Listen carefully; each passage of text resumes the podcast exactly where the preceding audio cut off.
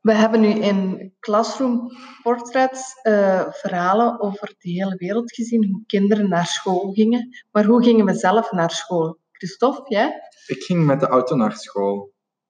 Eh, mijn mama kwam mij halen, kwam, bracht mij naar daar en mijn mama kwam mij s'avonds halen. Oké. En Cindy? Ik moest heel erg lang op de bus zitten. Ik vertrok om tien na zeven s morgens en ik was eigenlijk altijd te laat op school.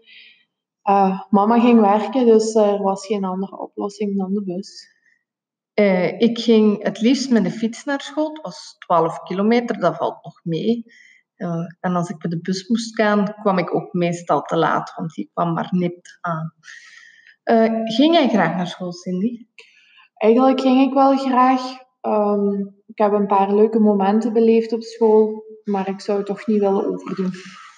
Ik ging wel graag naar school. Ik deed vooral mee met buitenschoolse activiteiten. Vond ik wel leuk. Nee, Christophe? Eh, wat ik leuk vond op school eh, was alleszins niet LO, want ik haatte dat echt heel hard. Maar eh, voor de rest vond ik de andere vakken wel interessant om te volgen. Ja. Ja. Ehm, en wat kost de school zoal? Is school toegankelijk voor iedereen? Hoeveel Ik- kosten de boeken zoal? Ik denk zo'n eh, 250 euro. Ik eh, weet dat het voor technisch onderwijs 350 euro is. En ik denk eigenlijk dat heel veel mensen het in september toch best moeilijk hebben als eh, de rekeningen beginnen binnen te komen.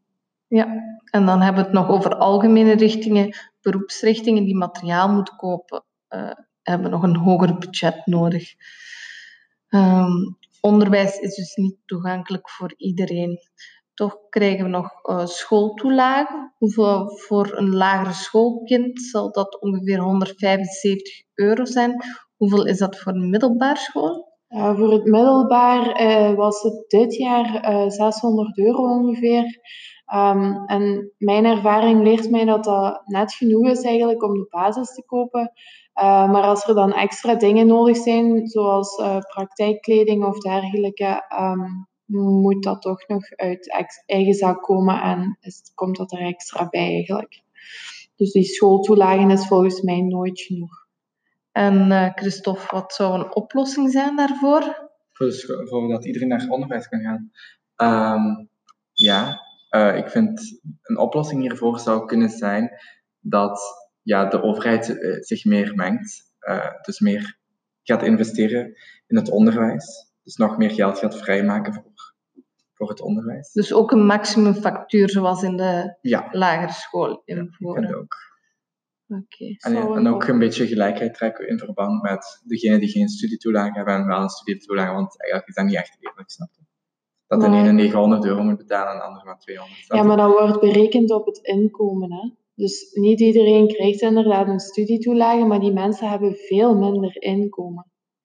Ik denk dat... dat Ja, maar dan vind ik dat het, ik vind dan dat het, het verschil mag niet te groot zijn tussen de twee. Snap je wat ik bedoel? wij, Ja, allee, wij maar- moeten daar, allee, ik bedoel, degene die wel hoger moet betalen, moeten niet opdraaien voor de anderen die minder. Allee, snap Dat is ons solidariteitssysteem in België, de Ja. sociale zekerheid, zodat iedereen kan studeren, ook de lagere Ja, maar dan klas vind ik, dan en de lagere dat, dat, lonen. dat degene die geen studiebeurs hebben, dat die opeens 900 euro moet gaan betalen. 900 euro is een normaal bedrag als we kijken in Amerika, waar iedereen eh, zich in de schulden moet steken voor te studeren. Als we daar praten over 25.000 euro voor een schooljaar, vind ik dat 900 euro toch nog meevalt. Ik denk, ook dat, dat, ik denk ook dat het niet zo zwart-wit gezien mag worden. Ja, maar oké, het is wel solidair, maar eigenlijk is het ook weer dan aan de andere kant niet solidair, want die solidariteit komt niet in, is niet in wisselwerking. Snap je wat ik bedoel?